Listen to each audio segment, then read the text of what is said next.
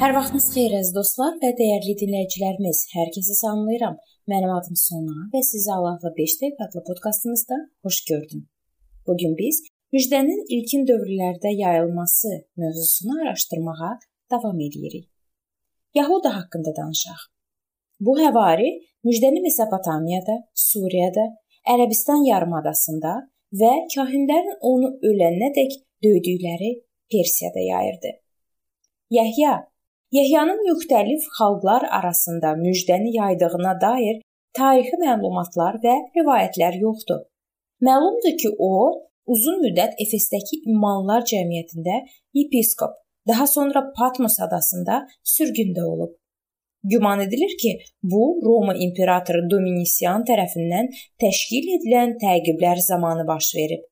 Həvarilər barəsində bu rivayətlərin hansı həqiqətə yaxındır? Bu bizə məlum deyil. Biz onu bilirik ki, padşah Herod Həvari Yaqubu öldürməyi əmr edib.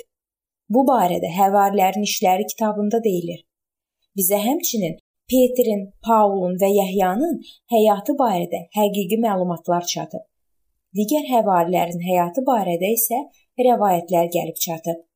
Güman edilir ki, bu rəvayətlər real tarixi hadisələrə əsaslanır. Amma şübhəsizdir ki, bu məlumatların əksəriyyəti dəqiq deyil. Həvarilərin işləri kitabından məlumdur ki, artıq eramızın 63-cü ilində müjdə Roma imperiyasının bir çox ərazilərinə yayılmışdı. Bu, kitabda təsvir edilən hadisələrin bitdiyi təxmini tarixdir. Həvarilər Suriyaya çox tez çatdılar, yəni Antakiyaya. Həvarilər işlər 11-ci fəsildə var bu. Paul və digərləri inkişaf etmiş nəqliyyat şəbəkəsinin olduğu Roma imperiyasının üstünlüklərindən maksimum yararlanaraq müjdəni Kiçik Asiyaya çatdıra bildilər.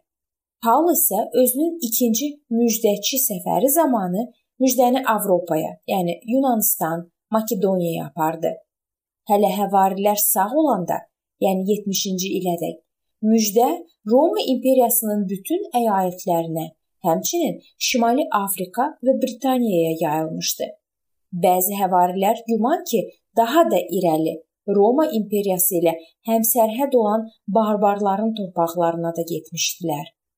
Digər imanlılar mürəbbinin əmrlərini yerinə yetirməkdə davam edirdilər.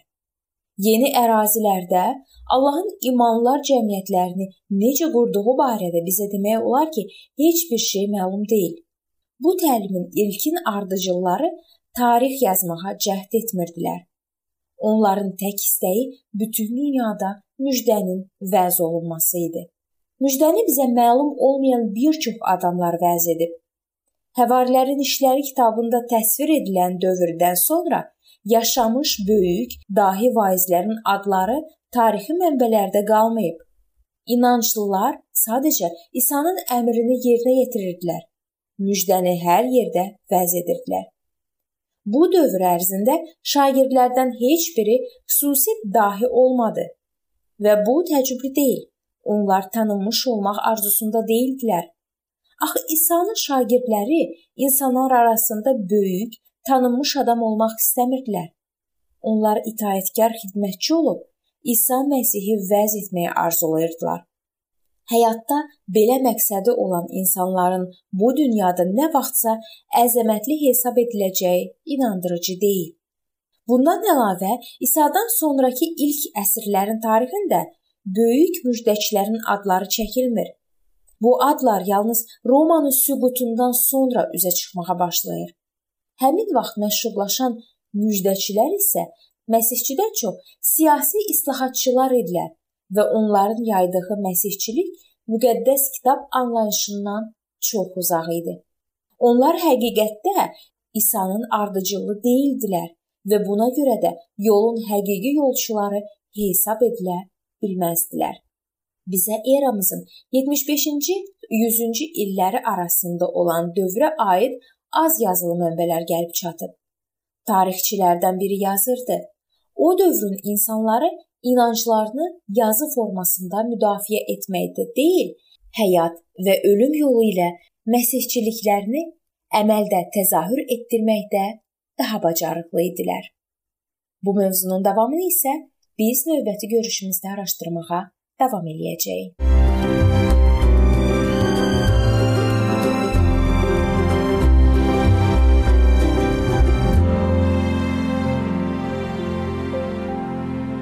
Beləliklə əziz dostlar, bu yerdə bu mövzu sona çatdı. Hər zaman olduğu kimi sizi dəvət edirəm ki, bizim podkastlarımızı Facebook səhifəmizdən və YouTube kanalımızdan dinləməyə davam eləyəsiniz.